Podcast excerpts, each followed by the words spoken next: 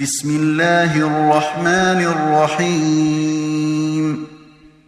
أرأيت الذي يكذب بالدين؟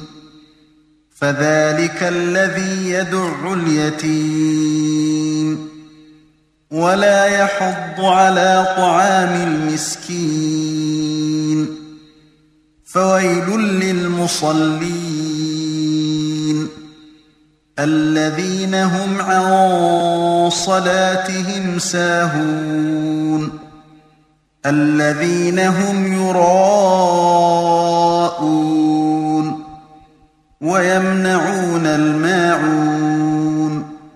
تم تنزيل هذه المادة من موقع نداء الإسلام www.islam-call.com